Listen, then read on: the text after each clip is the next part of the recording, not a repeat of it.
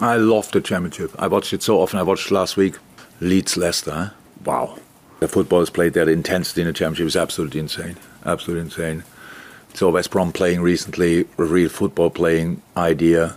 Leicester obviously, Southampton obviously. Um, a real football playing idea. The league is incredible. It's incredibly difficult. So um, we, we have a lot of games in the Premier League, but the Championship obviously has even a few more. Um, and quite impressive what's happening there.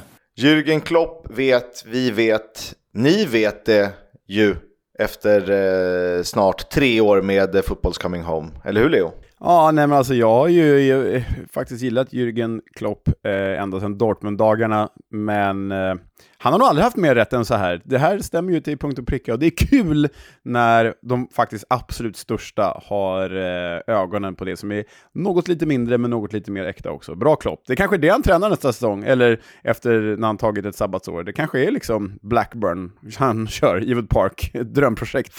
Ta upp dem till Premier League. Fasen vad sexigt med, med Klopp i Stoke. Eh, kör någon form av ultrapress eh, på Britannia eller Bet365 eller vad det nu kan heta. Jag tror att, när jag bara tänker på spelarmaterialet, jag tror att Klopp skulle göra sig bra i Bristol City. Så eh, vi kanske ska lansera det, Klopp till Bristol City. Känns också som de har ganska mycket ungt i leden som skulle trivas med honom. Eh, mycket energi och eh, ändå ganska mycket fotbollshjärnor. Ja, ja, då får Wernbloom eh, revidera sitt eh, Bristol City-hat. Han, han är i och för sig United, så han kommer hata Bristol City ännu mer. Ja, ja. Eh, vi ska inte prata så mycket mer om Jürgen Klopp, egentligen inte heller om Bristol City, för vi ska prata om vår fantastiska resa som utspelade sig någonstans i nordvästra England, eh, ja, från Yorkshire till Lancashire till, till Black Country. Ja, nej, men det här är ju eh, den årliga resespecialen. Det var ett väldigt uppskattat avsnitt förra året och vi tänker att vi gör ett liknande upplägg i år. Så eh, vi kommer väl inleda med att liksom gå igenom vår resa och de tre matcher vi var på. Om ni får ursäkta, det var ju faktiskt en Premier League-match där, men den kommer även med i detta program. Och sen kör vi vårt eh, vanliga upplägg med resten av matcherna och nyheter och så. Så så kommer det se ut idag. Mm, och ljudkvalite ljudkvaliteten kan skifta. Det är, eh, ibland är det lite brusigare runt om, ibland är det lite lugnare. Eh, vi har haft väldigt trevligt på vägen, det kanske hörs i vissa fall, men eh, jag lyssnade på avsnittet som heter This is England eh, från förra året när vi var i Sheffield och det var ganska roligt, det var rätt underhållande, det var på ett annat sätt. Eh, våra reflektioner där och då, precis när det har hänt. Och så får vi ta ner matcherna lite som vi såg på plats. Ja, ja men eh, vi kör väl helt enkelt. Eh, ni kan förvänta er ljudklipp från pubbar och arenor och sådär. Det blir kul.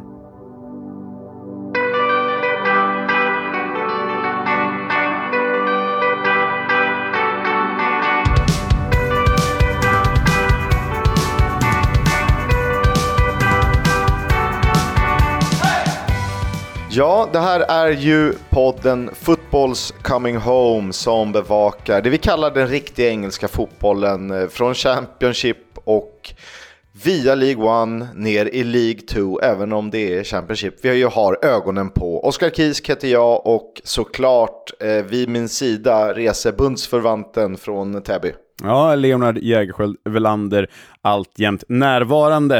Eh, det var ju faktiskt kul med resan att det var ju inte så Stockholmsbaserat. Det var ju bara en av resenärerna från Stockholm. Sen, sen var det ju representation från Ödeshög, från Halmstad, från Växjö. Um, det gladde mig ändå att Championship-evangeliet sprids eh, genom vårt avlånga land. Mm. Kul att vi mer än fördubblar antalet deltagare på resan. Vi hoppas ju kunna bli ännu fler, eh, men så pass eh, få så att vi kan se allas behov och eh, ja, tillgodose dem. Eh, för vi, jag tycker vi hann med det mesta. Det var pubbar, det var family size nan, det var en... det var family size nan. Det var fan nanbröd som hängde som stekta grisar över spetterna. Det var så helt sjukt stora bröd var det, men gott också. Det var det. Det var pajer och det var eh, allt och lite till kan vi väl säga. Och den här, eh, vi flög till Manchester om ni nu är intresserade av det. Därefter tog vi en Rail Replacement Service Bus till eh, metropolen Huddersfield. Från Huddersfield tog vi ett tåg eh, med en tandlös eh, Leeds-supporter som tyckte att jag var lik Thomas Brolin. Jag tror att han hade glömt glasögonen hemma. Därefter kommer vi faktiskt till Leeds och det är ju där den börjar. Någonstans vid puben Moot Hall Arms. Klassisk för er som känner ert Leeds. Ja, och vi ska dyka in i Moot Hall Arms alldeles strax. Det är ju en, en, en riktigt klassisk Leeds United-pub som du hade scoutat fram, Kisk. Men innan vill jag bara säga, innan vi kliver in genom resans dörrar här, att det är så konstigt med England, och jag tror jag sa det till dig på resan också, för England är ju liksom ett eh, kulinariskt u-land. Det är det ju. Alltså, eh, missförstå mig rätt. Jag älskar ju en full English breakfast och sådär, men maten är ju skit överlag. Det är gott och det är härligt med slabbiga pajer, men det är ju skit om man jämför med Italien, Frankrike och sådär.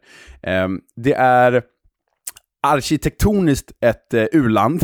Det finns många härliga och häftiga byggnader, men liksom tittar man på nyss nämnda länder så ligger ju England i underkant. Och sen är det ju just nu socioekonomiskt på väg att bli ett u-land. Det finns många utslagna människor överallt. Eh, ännu mer i Sheffield än i Leeds, måste vi ju erkänna. Men Ändå älskar man det. Det är ju helt fantastiskt att vara i England, trots att det är så jävla underutvecklat på vissa ställen. Ja, men världens, sämsta, världens bästa sämsta land, eh, åtminstone Europas, är det ju på något sätt. Ehm, jag vet inte om man ska beskriva det bättre, men jag älskar ju att vara i England. Jag tycker det är så jäkla trevligt. Och allt du nämner är ju liksom, ja, men arkitekturen är ju fin, eller har åtminstone varit det, men det är ju ruskigt övergivet på sina håll och kanter. Så att det lämnar en hel del att önska. Maten behöver vi inte gå in på. Ni vet vad vi gillar, ni vet varför vi gillar det eh, och så vidare. Men eh, jag tycker att vi ska dyka in i själva reseupplevelsen så ni får den. Eller vad säger du? Ja, men vi kan väl börja med eh, klippet från just Moot Hall, eh, den här Leeds-puben vi tog oss till. Så eh, ni får våra betraktelser därifrån. Ja, så står vi här Kisk på, man inte ihåg vad stället heter, Moot Hall. Moot Hall Arms. En Leeds-pub framme i Leeds, väl framme i Leeds efter en jäkla lång resa ändå för att ta sig hit. Jag eh, tog mina första stapplande steg hemifrån, det var klockan 06.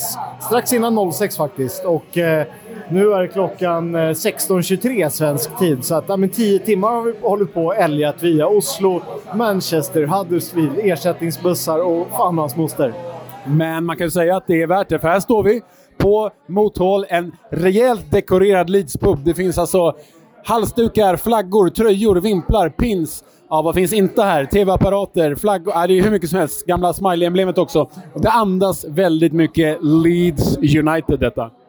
Det gör det, 100%. Det här är ju stället man vill gå till innan matchen. Och jag tror ju att många som håller till i stan, särskilt nu när det är fredagsmatch, laddar ju upp ganska tidigt. Eh, klockan är ju eh, halv fyra lokal tid och eh, de har nog smitit från jobbet för att få i sig en eller två eller tolv eller hundra pints. Så att de är redan glada i hågen, ciggen börjar tändas. Ja, ni vet hur det är.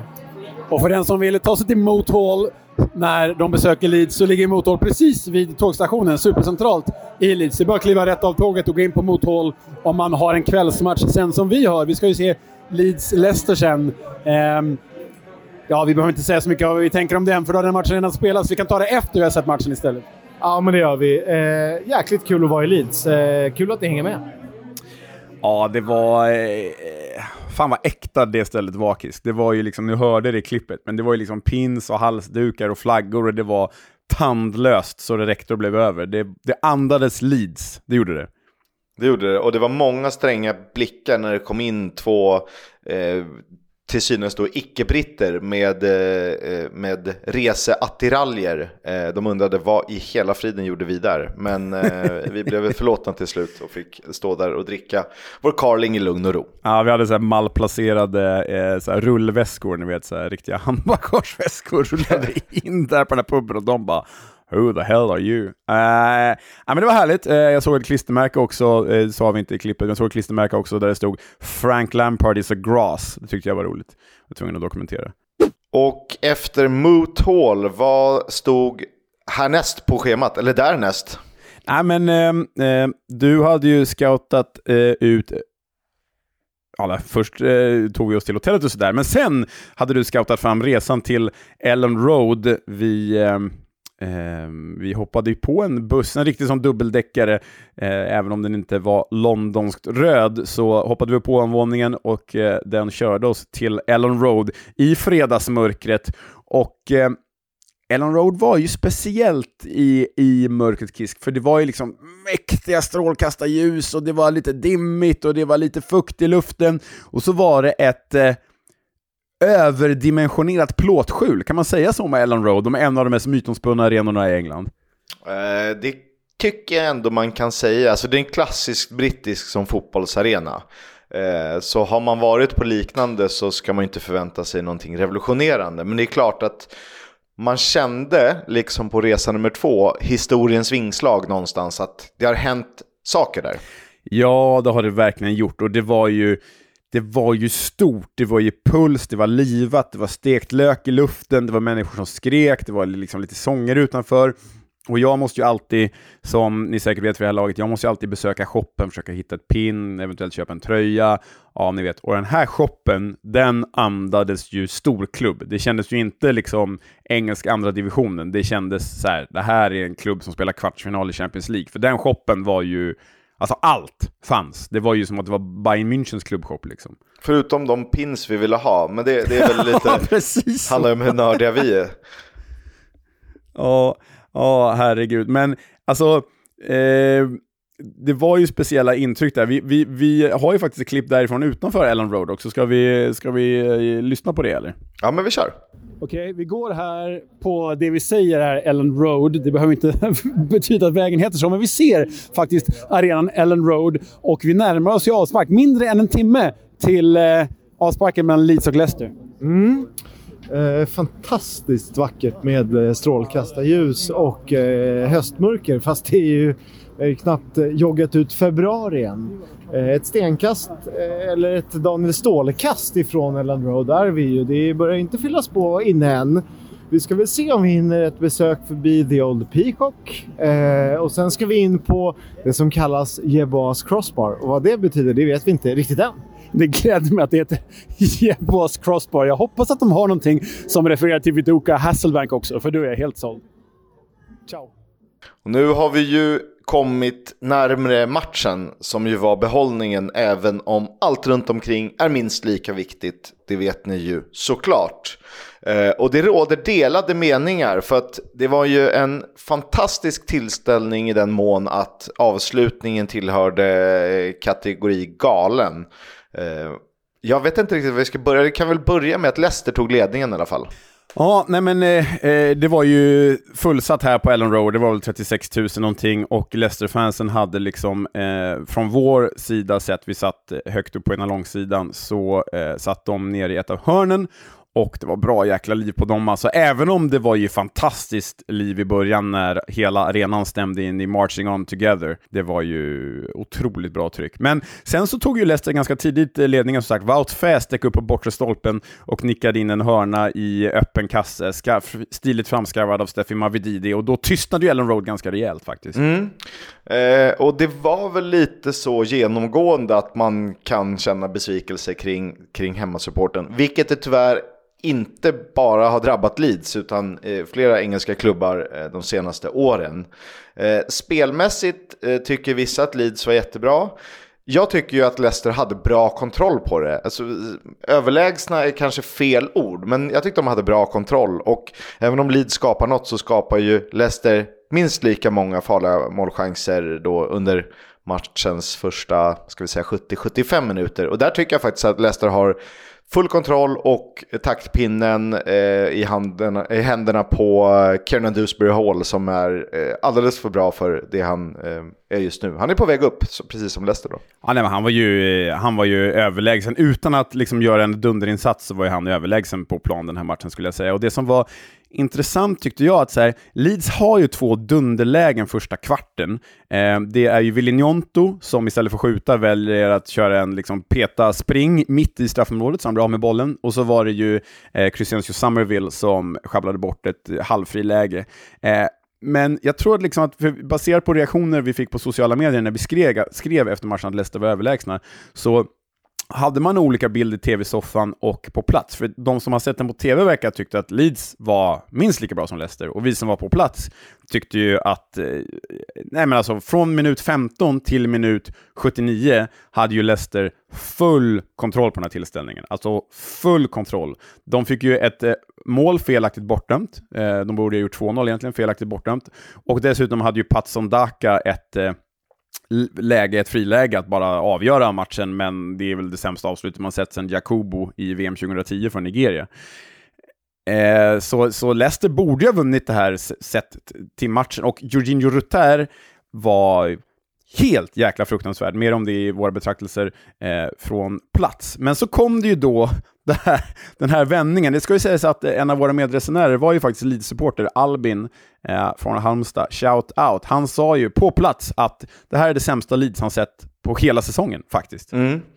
Eh, vi har väl hyfsad koll på Leeds vi också. Eh, och det var, det, det, var någon annan någon analys jag läste som tyckte att Rytter var bra. Och han har ju okej, okay, nu försöker jag vara snäll. 7-8 på mittplan, bolltapp, som ah, bollar han inte tappar när han möter Rotherham, men som man inte får ha när man möter Leicester, eller då om de ska upp i Premier League, ännu bättre motstånd kanske.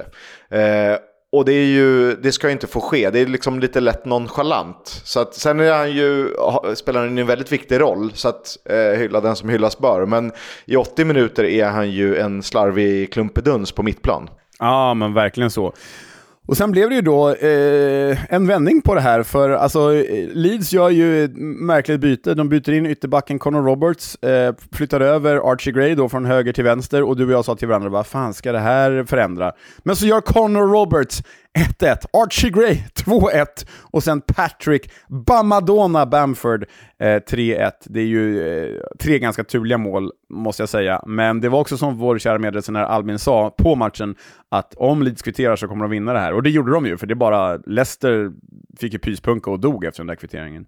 Absolut. Eh, och så läste den ganska mycket, så här, det finns inget annat lag i England eller världen som när 1-1 målet kommer kan kraftsamla. Och det tycker jag väl snarare är en, liksom, en, en vad ska kalla det, en subjektiv beskrivning som egentligen eh, passar in på alla supportrar och fotbollslag. Eller väldigt många i liksom kategorin större och klassiska med en bra supporterbas. Eh, men visst, jag tror ju att när 1-1 kom så var det ganska många på Ellen Road som var delaktiga i att nöta ner Leicester mentalt. Eh, för då kändes det som det bara skulle en väg. Jag fick ju sms av vår kära kollega Olof Lund som är elitsupporter efter matchen, där han skrev att kvällen som ni fick på Ellen Road är, kvällen som ni fick, det är väldigt få arenor som lyckas med det i England. Frågan om det inte bara är Ellen Road som, som kan göra just det som hände.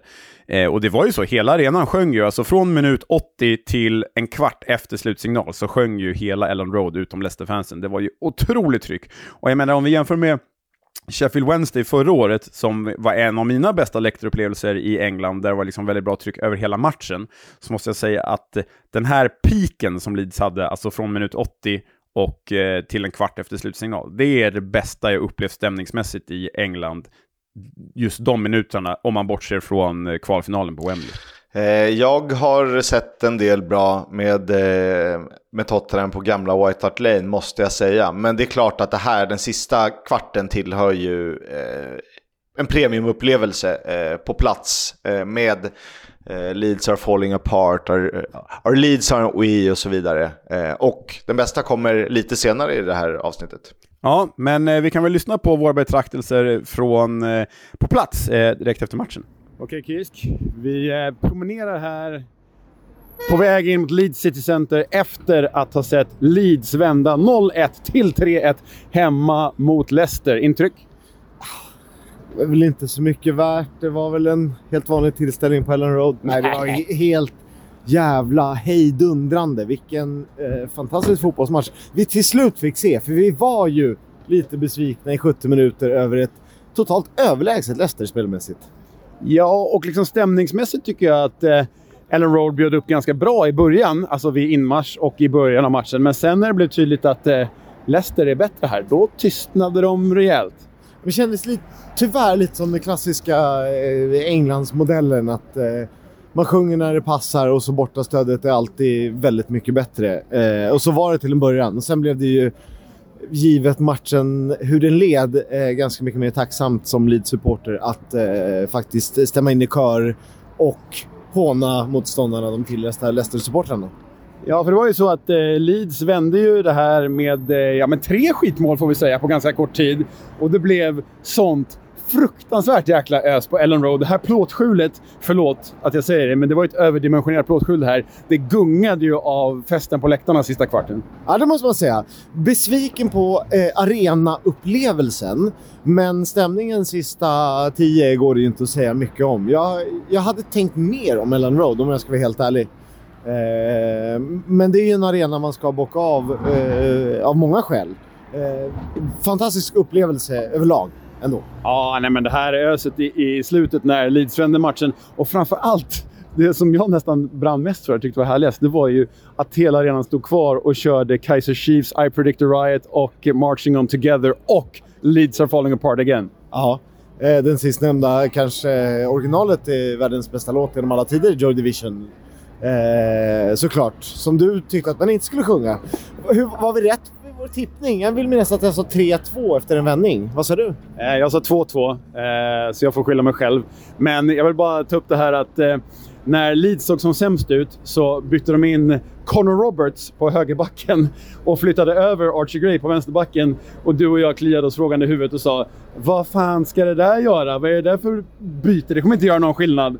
Och sen då, Connor Roberts gör, eh, sätter kvitteringsmålet och Archie Gray som har då flyttat på sig vad Connor Roberts kommit in, sätter andra målet. Så tji fick vi! Tji fick vi. Eh, och eh, Jorginho Rytter måste kämpa lite. Nej, det var den enskilt sämsta, individuellt sämsta insatsen jag sett på plats i hela mitt liv. Exakt så. Ja, men det var väl lite eh, snickesnack härifrån. Ja, Kisk, jag, jag vet inte riktigt vad det finns mer att tillägga här om Leeds, mer än att det är ju definitivt värt ett besök och framförallt då när hela arenan gungar med i I Predict a Riot. Mm, ja men alltså, det, det var någonting alldeles speciellt. Vi har ju delat i sociala medier på, via alla våra kanaler, men jag tycker det är värt att lyssna på igen, eller hur?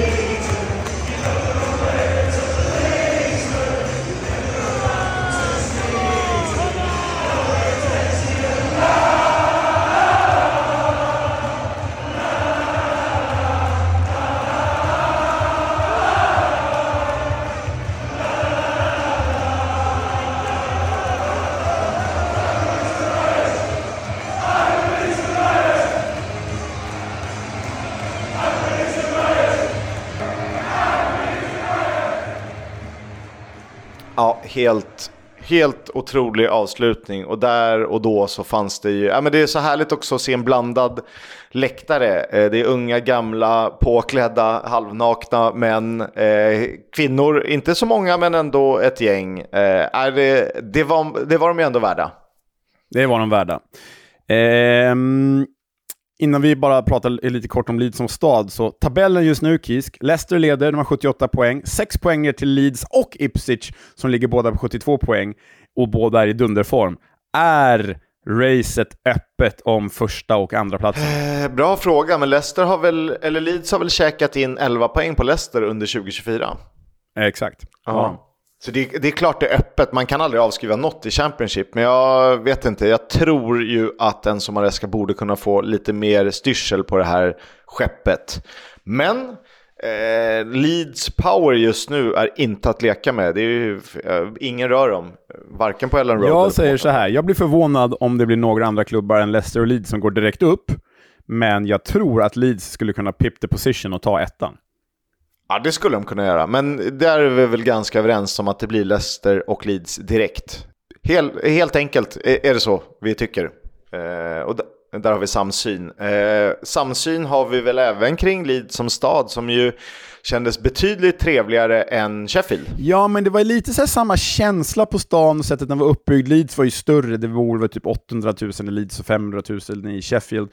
Men liksom en ganska koncentrerad stadskärna och så spred stan ut sig över det. Men där Sheffield, alltså förlåt uttrycket, men så var det. Där Sheffield var fullt av alltså bevis på Brexit och bevis på den sociala misären i form av uteliggare, människor med alkoholproblem och heroinister, så var det faktiskt, ehm, så var Leeds något annat. Visst att det fanns stackars eh, hemlösa människor där också. England har ju, det är ett England-problem, det är inte ett Sheffield-problem, liksom. det är ett England-problem som eh, eh, de måste ta tag i och hjälpa de här stackars människorna. Men utöver det så var det ju en väldigt levande stad. Det var ju folk ute på gatan hela tiden, det var öppna butiker, det var inget igenbommat, det var fina restauranger, det var trevliga små, eh, små kryp in i väggen, underbara pubbar i gränderna. Det var levande både på dag, kväll och natt. Så eh, men Leeds kändes här, inga fantastiska sevärdheter, men det kändes levande och därför var det trevligt.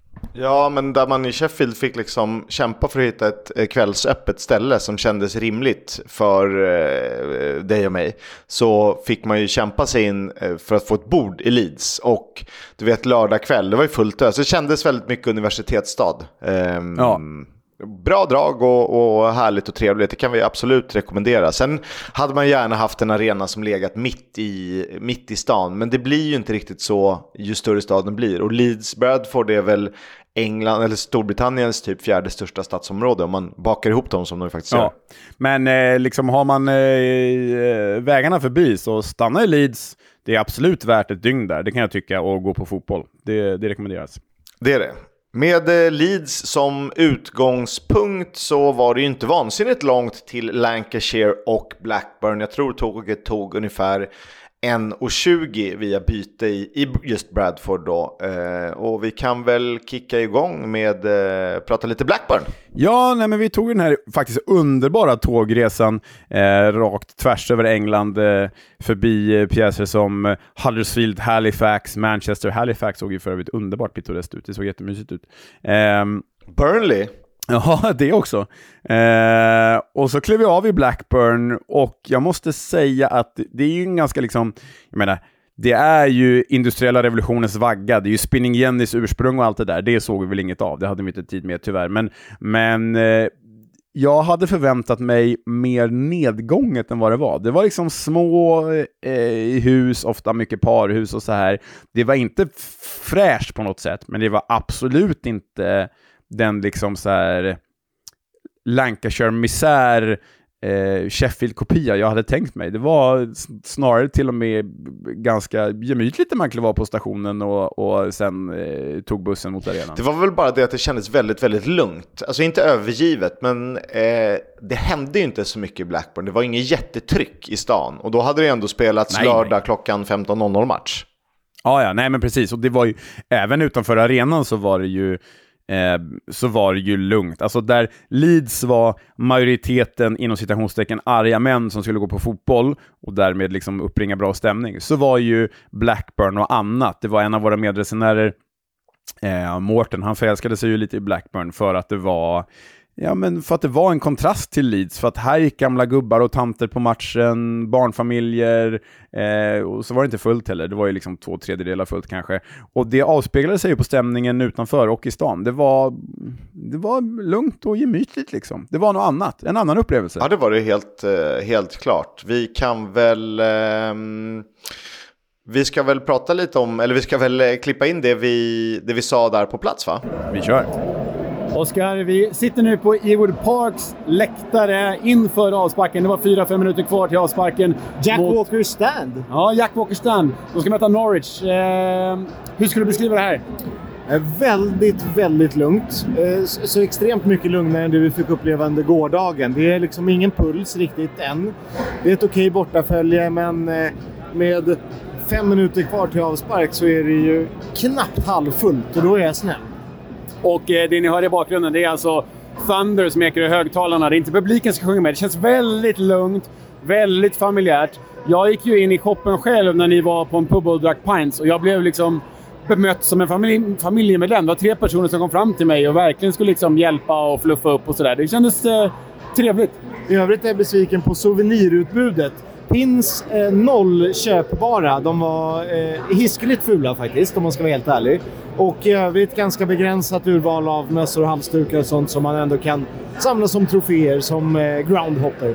Ja, nej men eh, jag håller med. Inga pins med eh, klubbmärket på i alla fall, vilket kändes synd. Men som eh, du vet Oskar och som eh, några av våra kära lyssnare vet så har jag haft Blackburn som andra lag väldigt länge i England. Ett av eh, 22,5 andra lag. Nej, men det är ändå andra laget. Sen finns det tredje lag, fjärde lag, femte lag och sådär.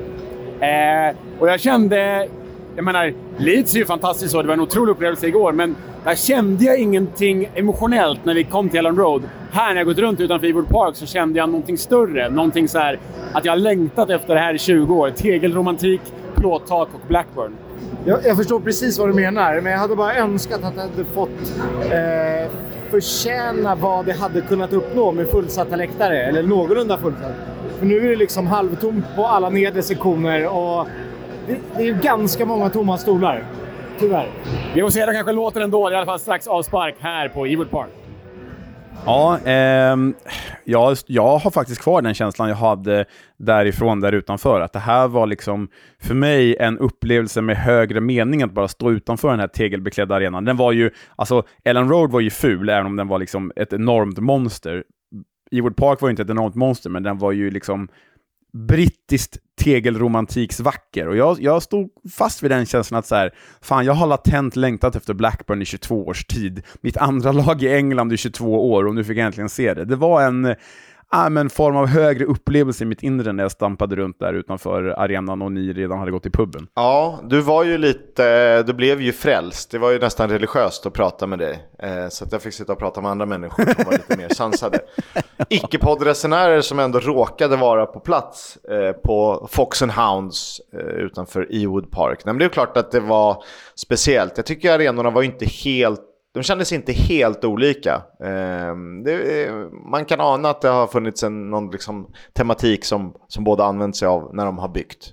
Men det är speciellt med Ewood Park och också vad, framförallt vad det har varit, eller vad det var under en kort period och hur långt eh, efter eh, man är nu. Ja, men verkligen. Alltså, det blev ju ganska tydligt på plats att det där eh, Premier League-guldet som, som eh, Blackburn faktiskt vann i mitten på 90-talet med Alan Shearer, Chris Sutton, Tim Sherwood och, och Henning Berg och alla de gamla stötarna, och Tim Flowers. Eh, var det Tim Flowers i mål? Det var det va? Ja, det var det. Eh, Gramble så. Så ehm, det visste vi ju, men alltså, det var ju en inom citationstecken köpt ligatitel. Alltså, de vann ju den ligatiteln tack vare Sir Jack Walker, the biggest rover supporter in the world, som det stod på en staty utanför. Um, för Blackburn, det var ju tydligt, det är ju inte en klubb för Premier League. Alltså, de är nog, jag, jag ser ju dem gärna så högt upp som möjligt eftersom att jag gillar dem och det är världens bästa klubbmärke och det är snygga dräkter och sådär.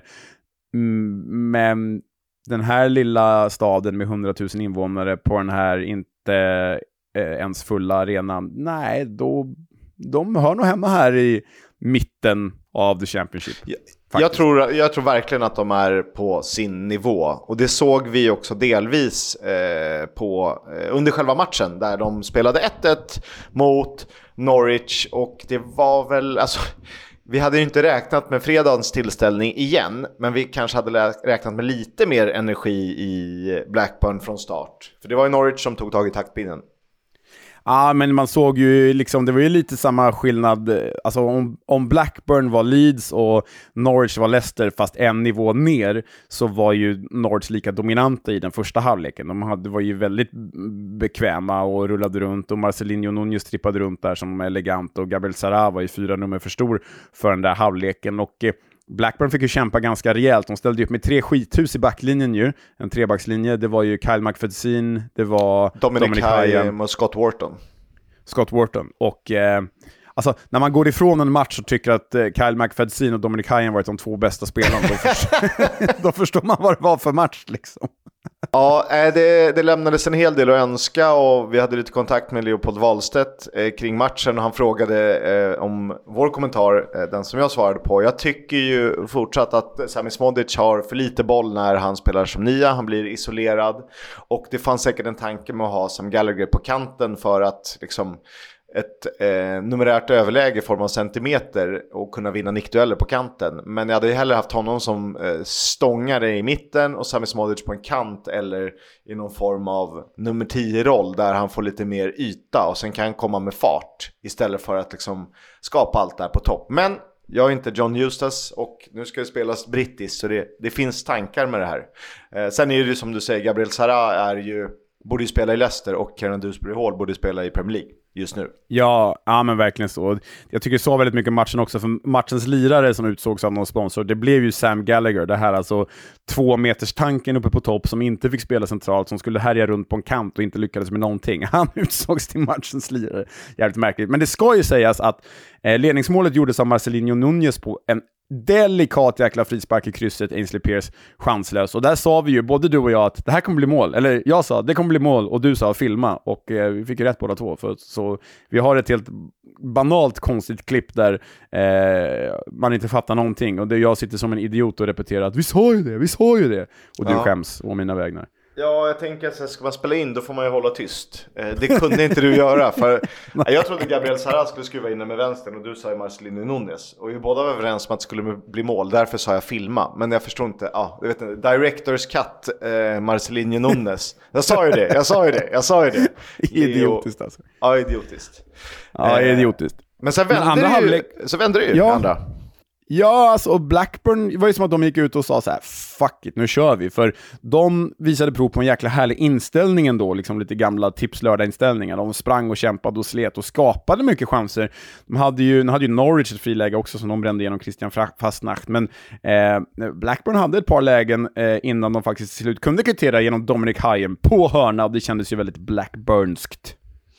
Eh, det gjorde det ju definitivt. Det som också andades engelsk fotboll, det var ju eh, Blackburn-supportrarna som insåg att här, fan, vi kommer inte kunna glädjas åt spelet på planen eller resultatet, så att vi hittar vår syndabock. Och eh, är man från Lancashire och från Blackburn, eh, då ogillar man ju Burnley och då per automatik så blir ju hackkycklingen Ashley Barnes. Ja, som värmde upp eh, eh hela matchen. Vi pratade faktiskt om det i klippet eh, eh, därifrån. Vi kanske ska eh, kliva på det helt enkelt, våra, våra, eh, upplev våra intryck på plats strax efter matchen.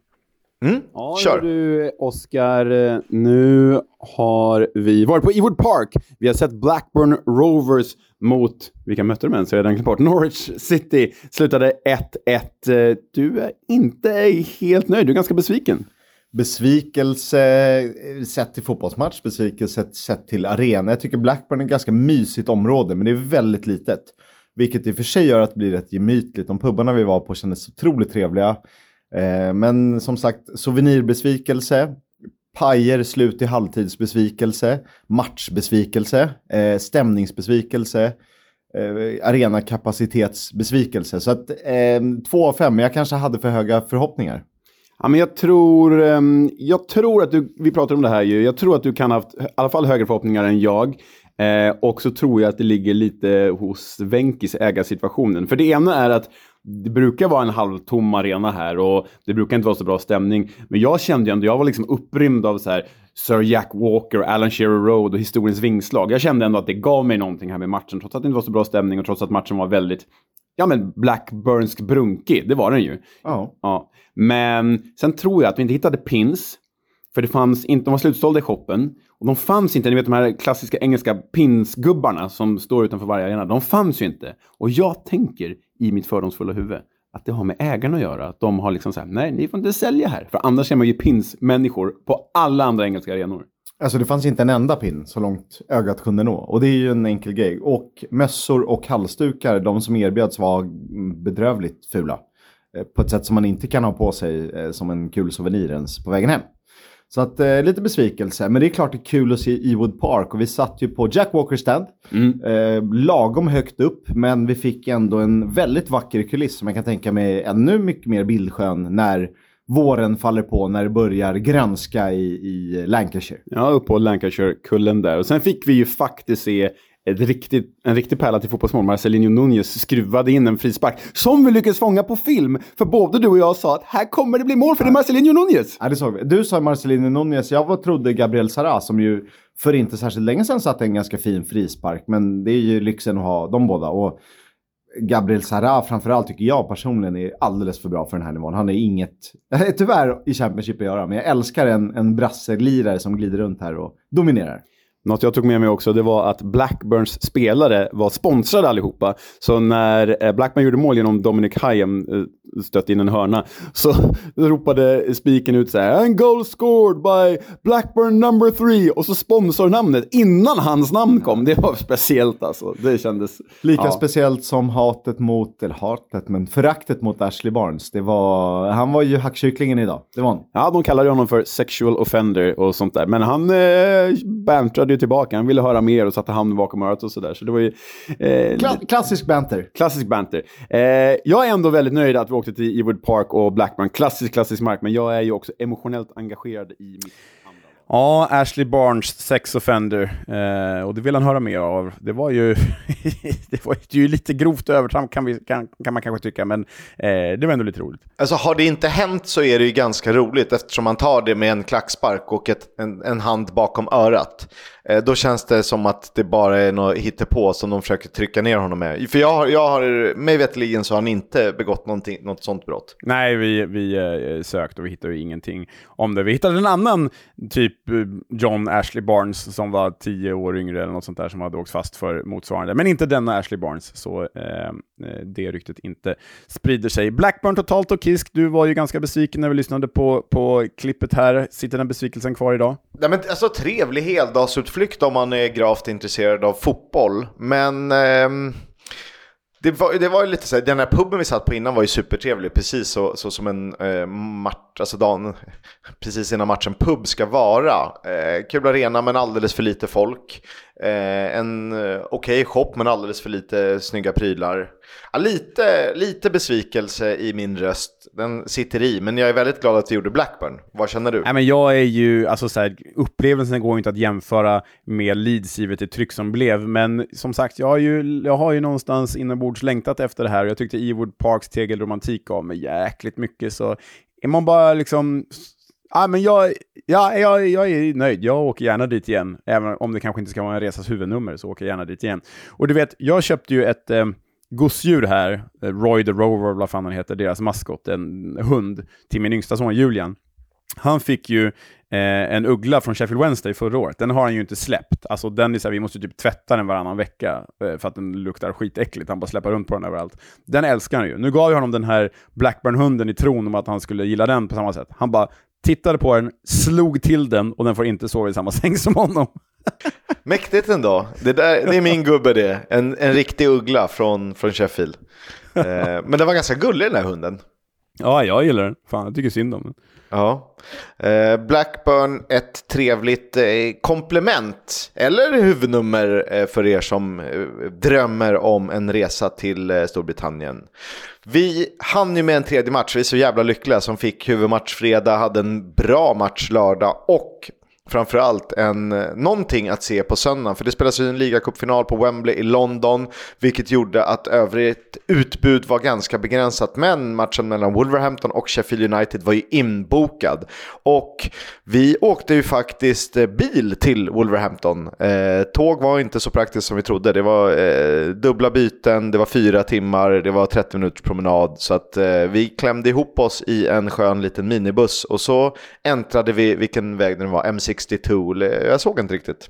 Ah, nej, jag vet inte vilken väg det var heller, men eh, första halvtimmen, timmen var det bara dimma överallt, så då såg man ju ingenting. Fick man fantisera ihop hur det såg ut i land landskapet och sen eh, bredde det ut sig, de böljande gröna kullarna, trots att man ironiskt då körde ner mot Black Country, men det var ju inte så mycket Black Country där nere. Jag hade, precis som i Blackburn, förväntat mig någon slags liksom Eh, eh, socioekonomisk misär när vi kom till Wolverhampton, men jag måste säga att eh, Wolverhampton var ju typ finast av allt på hela resan. Det såg ju jätte, jätte, jättefint ut. Ja, men Wolverhampton kändes väldigt mysigt och det låg väl tillräckligt långt ifrån närmsta riktigt stora stad, Birmingham får vi ju ändå säga där, eh, för att kunna ha ett eget litet liv. Och vi såg ju kanske tyvärr inom citationstecken inte så jättemycket av Wolverhampton, men man skulle gärna se mer. Och när det kommer till Premier League-upplevelser så var ju det här i det närmsta en Championship-känsla man kunde få. Ja, men Wolverhampton och Sheffield United på pappret, det bara osar ju Championship. Och arenan liksom, den är ju inte större än Ellen Road, men den så här, tonade upp sig för det är så höga, branta läktare, så här, lite grå, solblekta, orange som blivit gult i solen och så här, eh, massa legendariska namn på läktarna, Steve Bull och Wolverhampton-märket. Ja, det var en jäkla mäktig arena måste jag säga, som där liksom, de inte gick ihop i hörnen heller. De har slängt ut fyra läktare och bara scramlat ihop sig till, till Molineux. Riktigt fet arena. Sen kan man diskutera att i shoppen fanns det sydkoreanska flaggor och portugisiska tröjor och sådär. Det, är ju, det osade ju Premier League. Och eh, här märkte vi av mest turister. Alltså i Blackburn, förutom våra svenska kompisar, så träffade vi inga eh, turister alls. Eh, Leeds, så eh, har vi inte sagt, så var det faktiskt en jäkla massa norrmän eh, när vi mellanlandade i Oslo. Det var ju typ 12 norska Leeds-supportrar på planet bara. Ehm, men här i Wolverhampton så märkte man ju av Premier League-turismen överallt. Alltså det var ju, givet Wang Hee-chan så var det ju alltså säkert 20 sydkoreaner man såg och hörde inför matchen. Ett gäng portugiser, en grupp spanjorer, holländare, eh, norrmän, andra svenskar. Det, man märkte att det var Premier League, även om det inte var så turistigt som det är när man besöker Chelsea, Arsenal eller Manchester United. Nej, det, det, det fanns det brittiska också. Och det man saknade lite med Ellen Road är ju att den ligger en liten bit utanför stadskärnan. Det gör ju även Ellen Road och Molyneux, men ah, Leeds är också en större stad. Men här känns det ju mer insprängt i eh, i stadsbilden, eller liksom områdesbilden på ett jäkligt trevligt sätt. Att det liksom, ja men det ligger ett bostadshus ett stenkast ifrån. Och det är möjligt att det kanske gjorde det i Leeds och kring Ellen Road, det gjorde det ju faktiskt. Men det var också mörkare, så det kan ha en del, upp, en del av upplevelsen. Men här kändes det ju liksom Eh, riktigt jävla genuint. Ja, det kändes riktigt jäkla genuint och du hittade ju, tyckte jag var den trevligaste puben på hela resan, eh, The Leaping Wolf. Eh, men vi kan väl ta eh, klippet därifrån. Jag tror att det är på Leaping, Leaping Wolf vi spelar in det faktiskt. Ja, Kisk, ehm, nu står vi här i en korv och hamburgerkö utanför Molineux Stadium i Wolverhampton. Ehm, vad, är, vad är det vi upplever för någonting? En, något mycket mer genuint än det man kanske är van vid i Premier League. Det känns ju inte alls lika turistigt som topplagens eh, diverse arenor och vad det nu innebär. Nej, det var liksom... Shoppen hade ju sina turistiga inslag med eh, grejer i sydkoreanska flaggan och tröjor i portugisiska färger. Men här utanför känns det rakt upp och ner väldigt brittiskt. Det känns som att alla ska gå och titta på Craig Dawson. Det här är, det här är engelsk fotboll för mig. Jävligt trevlig pub, bra musiksmak, bra tappar. Ja, det var ju Led Zeppelin på puben. Det är ju som så att Led Zeppelins stora frontman är ju Wolverhampton-supporter och det är ju eh, förstås glädjande. Naturligtvis. Ja, men, eh, helhetsintrycket så här inför, eh, tummen upp ändå. Ja, klart tummen upp. Stor, stor arena. Får ju Ellen Road att se nästan liten ut. Och ligger ju också i stan, eller i ett bostadsområde, istället för på en öde parkeringsplats någonstans bortom Tjotahejti. Ja, alltså utanför, före match, ändå en 4 plus-upplevelse hittills känner jag. Jag håller med. Jag håller med. Ja du eh, Kiss, det är, det är ju fina minnen man har därifrån. De är ju bara några dagar gamla. Men vi kanske ska ta oss an eh, matchen då, när vi faktiskt tog oss in på, på eh, läktaren eh, där. Vi eh, blev ju liksom lite starstruck förra året när vi var i Sheffield och de körde High Ho Sheffield Wednesday. Eh, här var det ett High Ho Wolverhampton. Hur skulle du vilja betygsätta den? Vilka var först? Ja, det vet jag faktiskt inte. Nej, inte jag heller. Det borde vi ha tagit reda på. Men, eh, ja, jag vet inte. Det tar udden av den när två kör samma. Samtidigt är jag ju medveten om Glory Glory som används av två hyfsat prominenta Premier League-klubbar. Och det finns ju andra eh, melodier och liksom nästan texter som delas. Så det är väl vad det är. Men det här var ju också den enda publika höjdpunkten på hela matchen. Och man kan ju ibland Eh, alltså, om vi är vana från allsvenskan med väldigt proaktiv publik som har fångat sydländska influenser där man, liksom, man sjunger tills man inte sjunger längre. Så har England blivit otroligt, eh, otroligt reaktivt och väntar ju bara på att det händer någonting och klagar hellre än att bidra själva. Eh, inte alls som det var förr, men det är ju eh, det är en lång historia. Eh, så kan man väl säga, summera det. Mm, så kan man summera det. Det ska ju sägas också att eh, Eh, sångaren i Led Zeppelin, Robert Plant, som eh, vår kära medresenär Jocke från eh, Ödeshög berättade, han är ju en die hard Wolverhampton-supporter, eh, befinner sig på, på eh, matcherna. Eh, så före den här High Hove Wolverhampton så spelades ju Led Zeppelins Kashmir och då var det någon slags eldshow vid ena långsidan där W för Wolverhampton sprutade ut eld. Ja, det var ju, det var ju lite för mycket Premier League för min smak. Eh, men jag tycker att vi kan lyssna på High Hove Wolverhampton hur det faktiskt lät.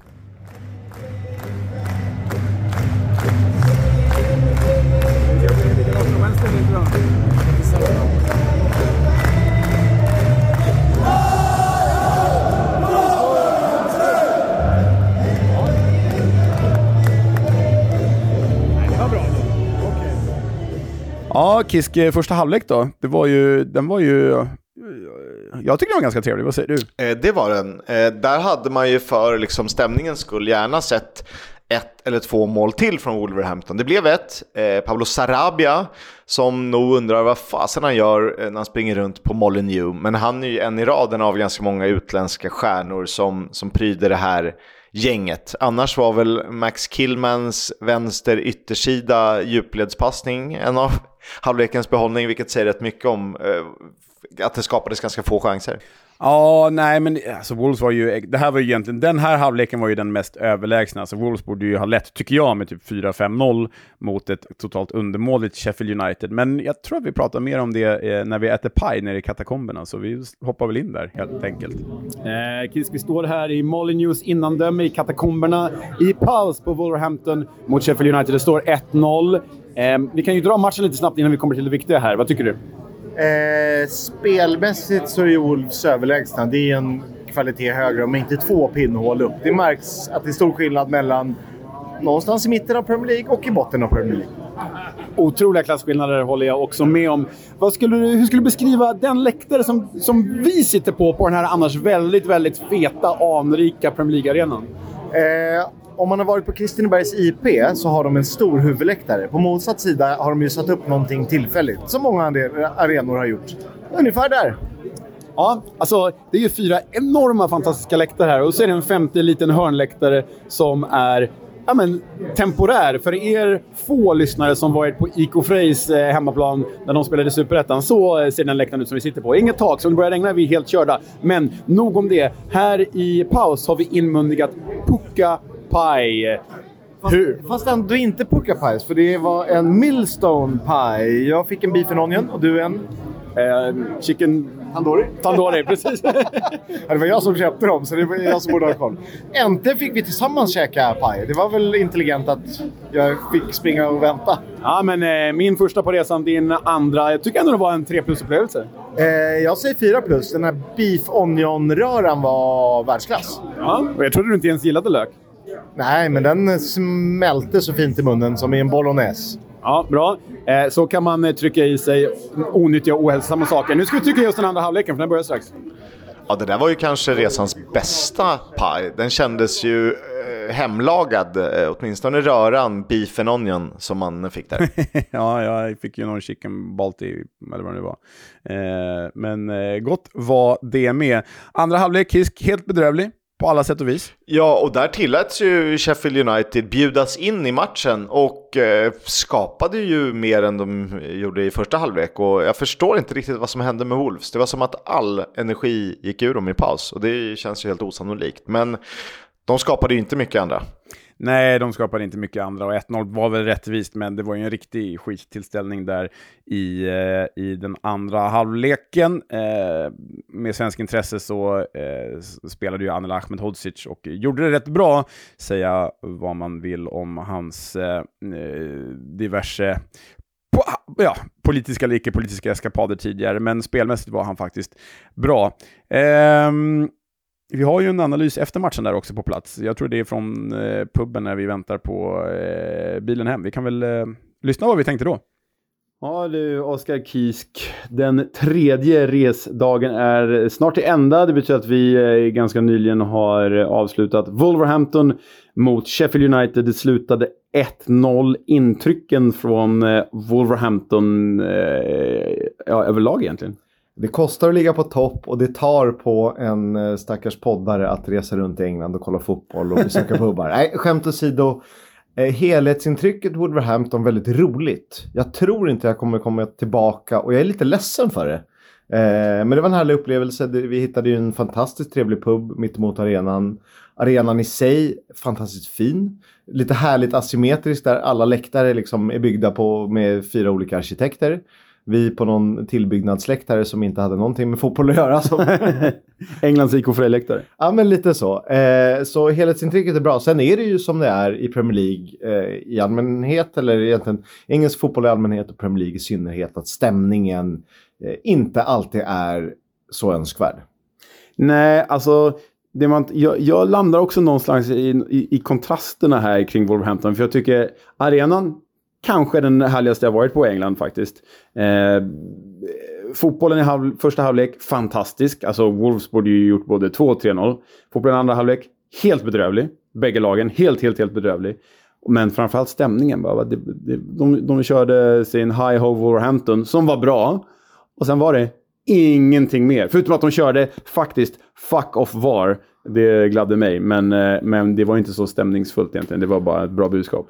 Nej, det är, Jonas Dahlqvist är ju rätt på det när han säger Premier League är ju som en musikal. Och det är ganska tråkigt att det blir så. För jag känner att till skillnad från många andra lag att Wolverhampton är inte turistsöndrat. Även om man ser eh, Wang Hee-chans koreanska vänner på plats och några skandinaver och kanske någon walesare så känns det ju väldigt liksom närområde och äkta Wolverhampton snarare än liksom ja, skandinaver och nordbor och allt vad det kan vara. Så det gjorde mig lite besviken, men jag är väldigt glad att vi gjorde Wolverhampton för att ehm, helhetsintrycket mycket bra. Ja, och arenan låg ju helt fantastiskt i ett bostadsområde egentligen. Som såg eh, ganska trevligt ut faktiskt. I alla fall om man jämför med Blackburn som inte såg lika trevligt ut.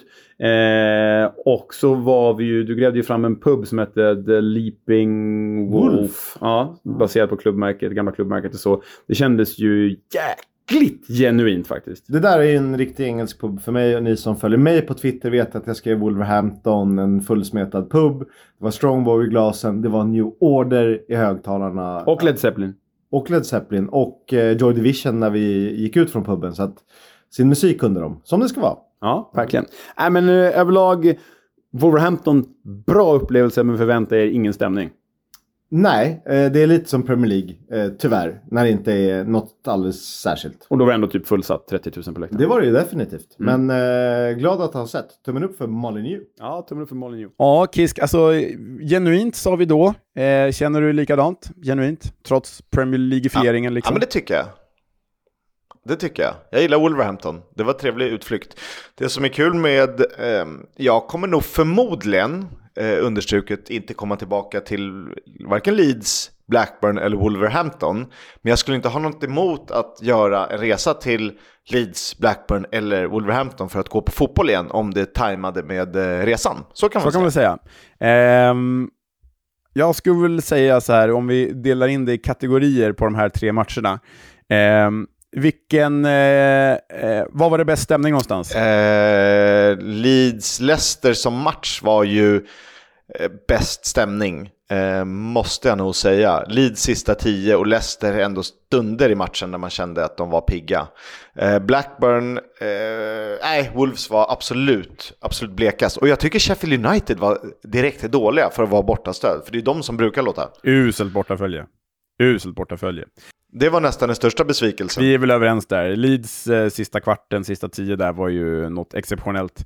Blackburn okej, Wolves dålig stämning. Arena då? Vilken arena gillar du bäst? Eh, jag tycker Molyneux var jävligt cool eh, för att den är så asymmetriskt byggd. Att ingen...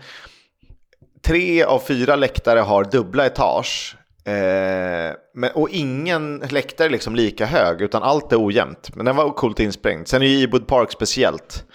Eh, men jag säger nog Ewood Park ändå. Eh, trots att den var halvtom. Men också kulissen i bakgrunden med... Eh, man såg Lancashires kullar. Mm. Ja, jag tycker ju tycker nog att Wolverhampton var en ännu fetare arena, men jag håller med om kulissen där i, i Ewood Park. Den var, och den var ju jäkligt vacker den arenan.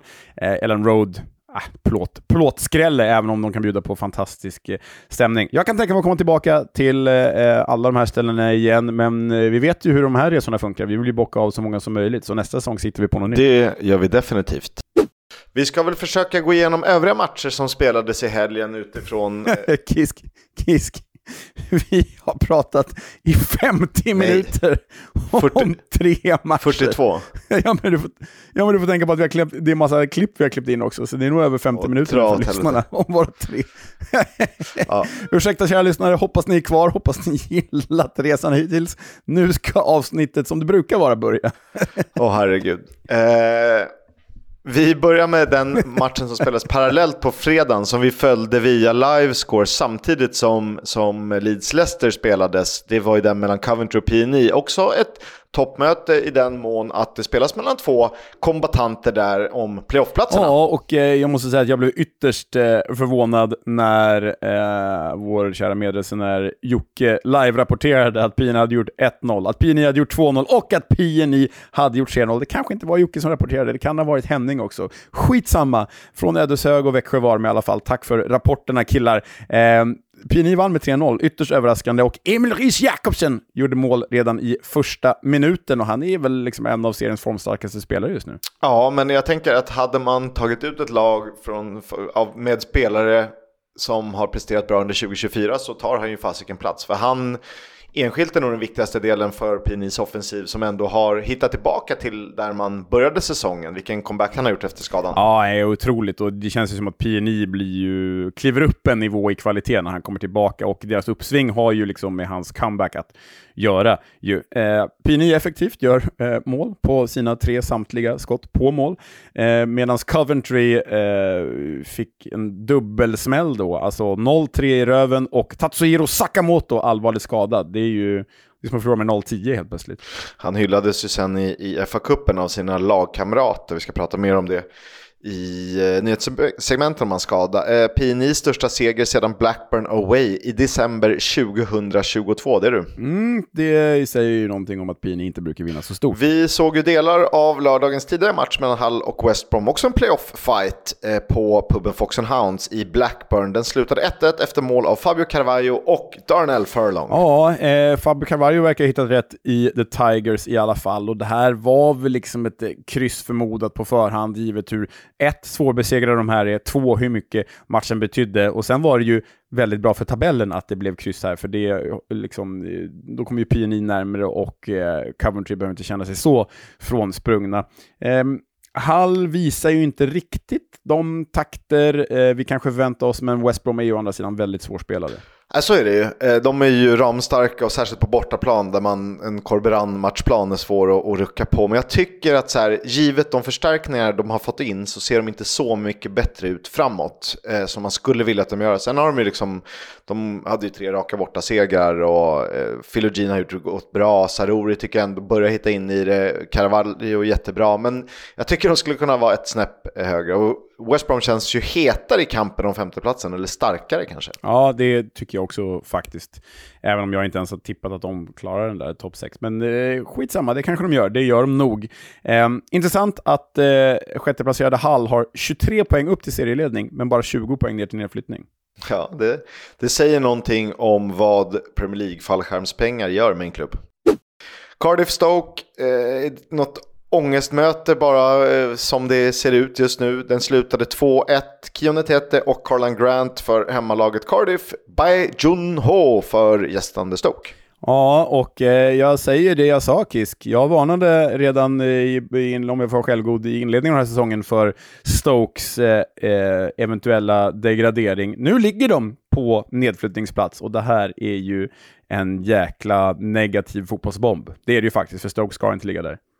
Nej, eh, men kanske skulle må bra av det. Göra om lite i den interna strukturen. För liksom, att byta tränare var 25 match, det har ju bevisligen inte varit lösningen. För jag tyck, men det är konstigt, för jag tycker att de ju har ett bättre lag på pappret än vad tabellen visar. Men eh, det är inte alltid så det funkar. Jag, jag har skrivit frågan hur lång tid får Steven Schumacher och jag tror inte att han får sparken nu. Men om det fortsätter så här så kanske man kan lösa det med en bounce-effekt. Eh, bara för att. Ja, det var ju så jäkla tråkigt för Schumacher och tråkigt för Stokes långsiktighet, men eh, fortsätter det gå så här dåligt så kommer de behöva byta en tränare för att uppnå den där bounce-effekten. Alltså Stoke har ju nu, i och med den här matchen, sex förluster på de sju senaste ligamatcherna. Aj, aj, aj, aj, aj. Det är inte, inte bra. Cardiffs första hemmaseger sedan 9 december. Ja, eh, sen har de väl, de har bara vunnit två segrar på de tio senaste hemma. Eh, dåligt. Men bra, My kul för dem. ja, verkligen. Kul att det går skit för allihop. Ipswich Birmingham slutade 3-1 och det betyder att Ipswich är i kapp Leeds och lämnar ju Saints konstigt nog fem poäng bakom sig efter deras fjärde raka seger. Det svänger fort i, i Championship. Ja, jag fick ett litet mindfuck där. Så hur kunde Southampton, som varit bäst i serien i typ 25 raka matcher, bli omgådda av Ipswich som varit jättedåliga innan de träffar den här plankan igen. Ah, ja, eh, det kändes märkligt i alla fall. Ipswich eh, var ju bättre och eh, den gode Burns eh, fick utgå skadad. Tyvärr, han var ju faktiskt otrolig innan dess. Eh, kan ju vara ett jobbigt avbräck för Ipswich som han är borta en längre tid. Ja, sen kan man väl tycka att liksom, Birmingham är på rätt väg under nya Mowbray-styret. Dock dock alltjämt utan honom givet hans eh, sjukdomsproblem utanför, utanför det här. Han är inte riktigt med. Men eh, Ipsic tillbaka eh, på allvar igen med sin fjärde då. Middles Middlesbrough är eh, någonstans där de inte bör vara, särskilt med tanke på att de torskar hemma mot Plymouth med 0-2. Och då gör Morgan, Morgan Whittaker inte ens mål, utan det är Matt Surinola och Ryan Hardy istället. Och nu skriver vi väl av Borough helt och hållet. Jag tror de var vår tippade tabelltvåa inför säsongen. De ska nog vara glada om de fan kommer topp 10, för nu har de 11 poäng eh, upp till Hall på sjätteplatsen och det känns ju helt jäkla kört. Ja, även om de är en match mindre så tror jag inte att de, de ska vara med i den striden längre. De har ju bara vunnit en av de sju senaste i alla turneringar.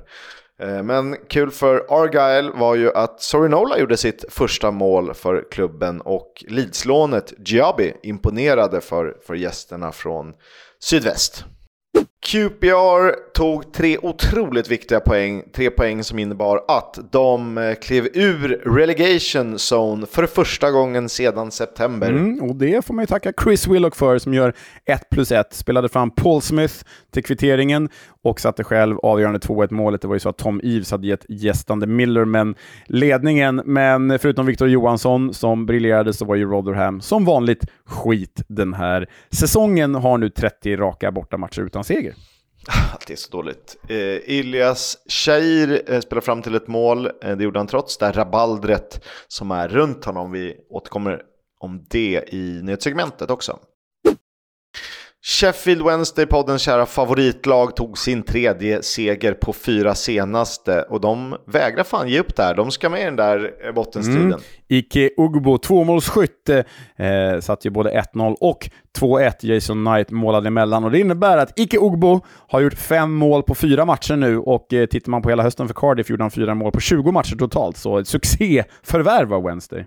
Ja, eh, jag gillar hur de har utvecklats under Danny Röhl. Eh, från liksom eh, sopsämst till ändå någorlunda bra. Eh, Robins avslutade med en man mer, dock förgäves, för Sheffield Wednesday var bättre. Eh, nu är det ju så att det är, de har tre poäng till säker mark. Det är fem lag inom fem poäng i bottenstriden. Det, ehm, det där ska bli roligt att följa. Det blir väldigt roligt att följa. Och eh, om vi får bestämma så är ju Wednesday kvar även nästa säsong.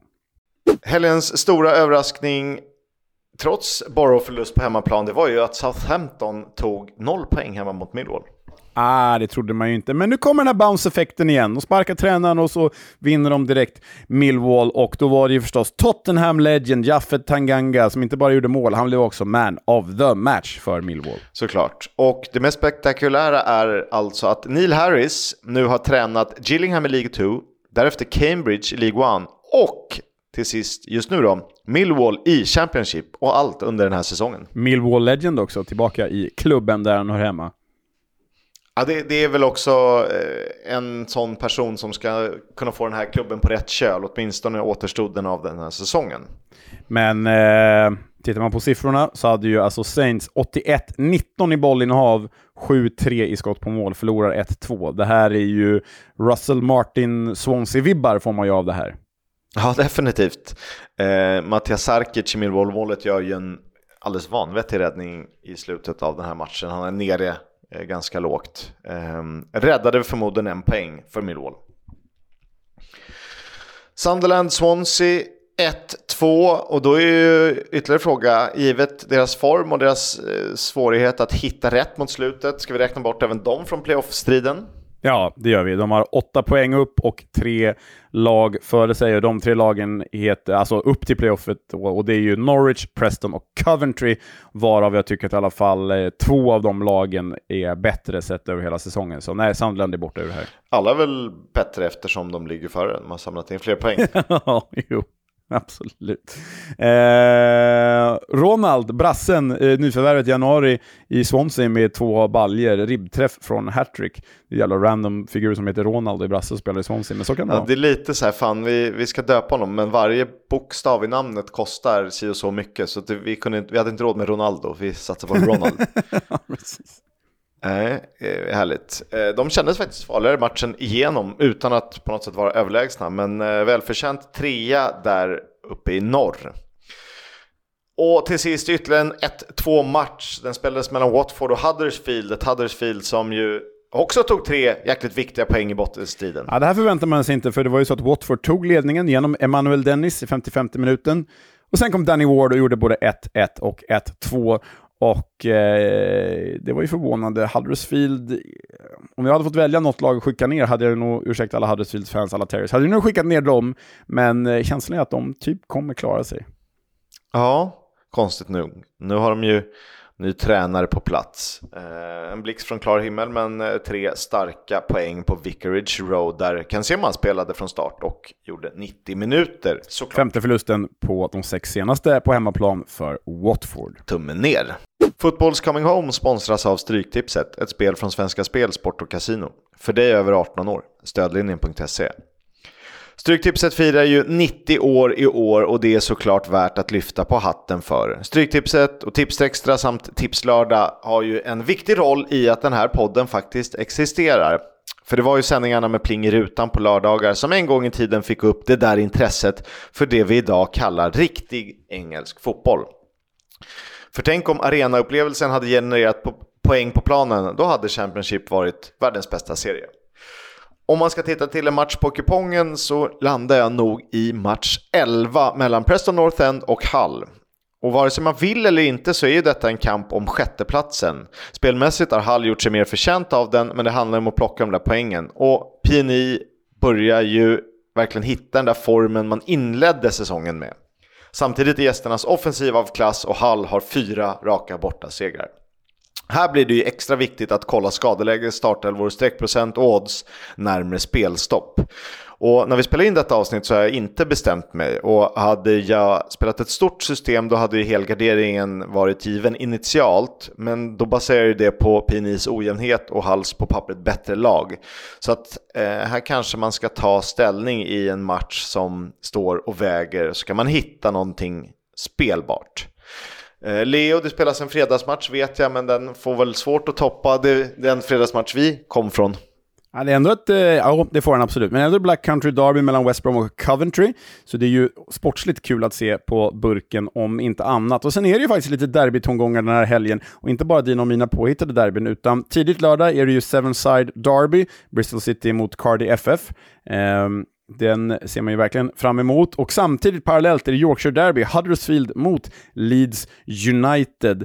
Och senare 16.00 har vi då vad som är Derby för Rotherham, kanske inte Derby för Wednesday, men det är i alla fall Rotherham mot grannen Sheffield Wednesday, granne både geografiskt och i botten av tabellen. Så det är väl de jag plockar med mig eh, från den här omgången.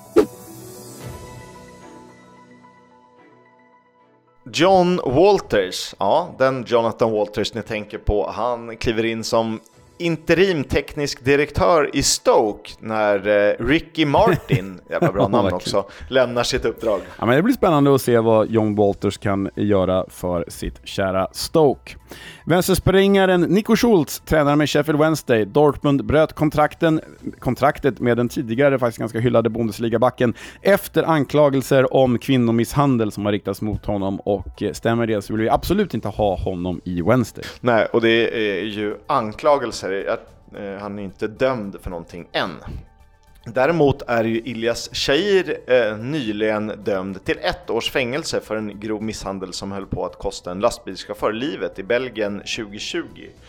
Domen ska ju överklagas och Shahir är tillgänglig att spela tills vidare. Eh, märklig grej. Väldigt märklig, obehaglig grej. Jag har läst mig till att, det är väl inte helt verifierat, men att han ska ha försvarat sin flickvän på något sätt. Men ja, äh, det känns jävla obehagligt hela grejen överhuvudtaget. Fy fan. Har, har du kollat Sunderland till I die? Eh, jag har sett de två första avsnitten i alla fall. Ja, det är rätt intressant därför Alex Neil är ju eh, hyfsat ny, eller han kliver ju in i första avsnittet och han berättar ju om hur han fick jobbet i Sunderland. Och det är ju egentligen han via agenten som tar första kontakten, om man då ska tro mm. dokumentären. Det här kan ju vara stageat absolut, men det är han som säger så här och de, eh, det är väl Lee Johnson som får gå då va? Ja, precis. Och då ringer sin agent och säger kolla om Sunderland kan vara aktuellt. Egentligen vill han inte träna League One, han vill träna Championship-nivå. Men givet Sunderlands storlek och, och rykte så känner han, ja men kolla om jag kan vara intressant för jobbet. Det är rätt eh, spännande. Ja, det är intressant. Den är ju en härlig serie, rekommenderas överlag. Vi är inte sponsrade, blir gärna det. Så ring oss Sunderland till dig.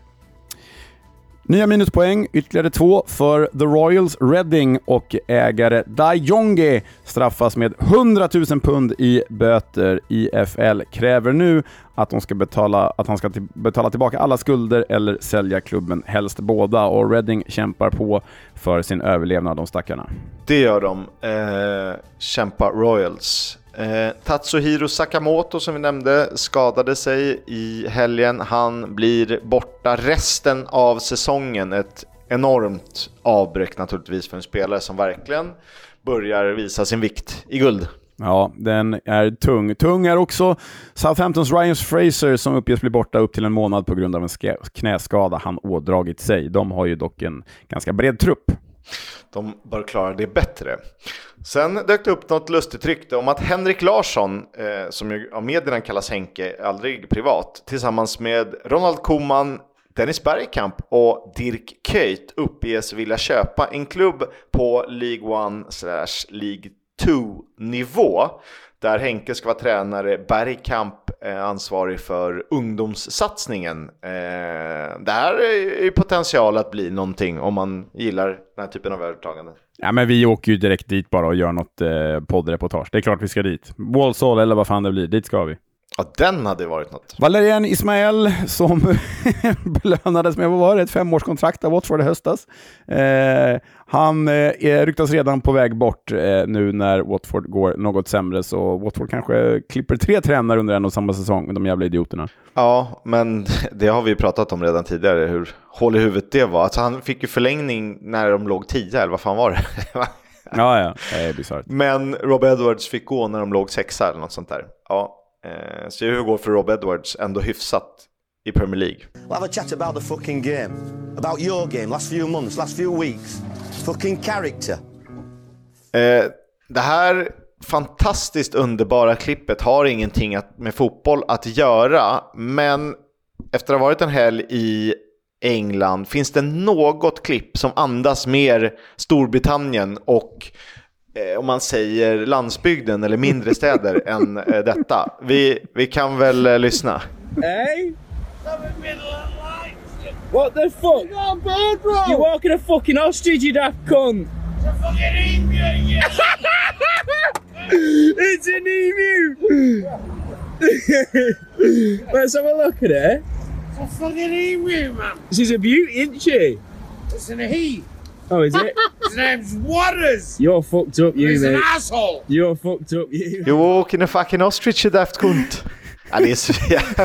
It's an emu! His name is Waters! His Name's Waters!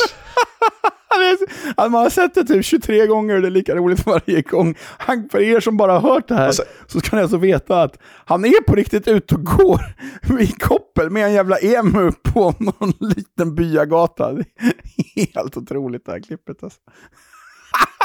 Det de har ju, It's an emu! det blir ju också bättre, man kan så komma på det efter ett halvt år. Så här, Jävlar, jag måste se, eh, kolla in Waters hur han mår.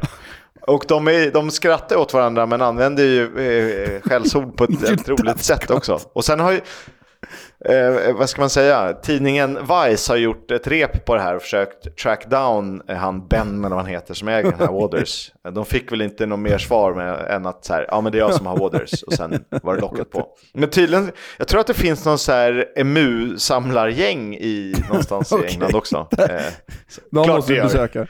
Besöka. Åh, fy fan vad bra. Ja, eh, det där var vår resa till Storbritannien nordväst. Nord, nordväst. Eh, jag hoppas ni gillade det lika mycket som vi gjorde att bevaka den, eh, de matcherna och de städerna. Ja, och tack till alla som följde med oss och tack till nickes.com för att ni eh, möjliggör eh, den här årliga resan. Eh, vi eh, siktar på en ny nästa säsong. Mm. Vi återkommer om när, vart vi ska resa och vad vi ska göra såklart. Men eh, ja, vi gör som vi brukar. Vi hörs! Hej!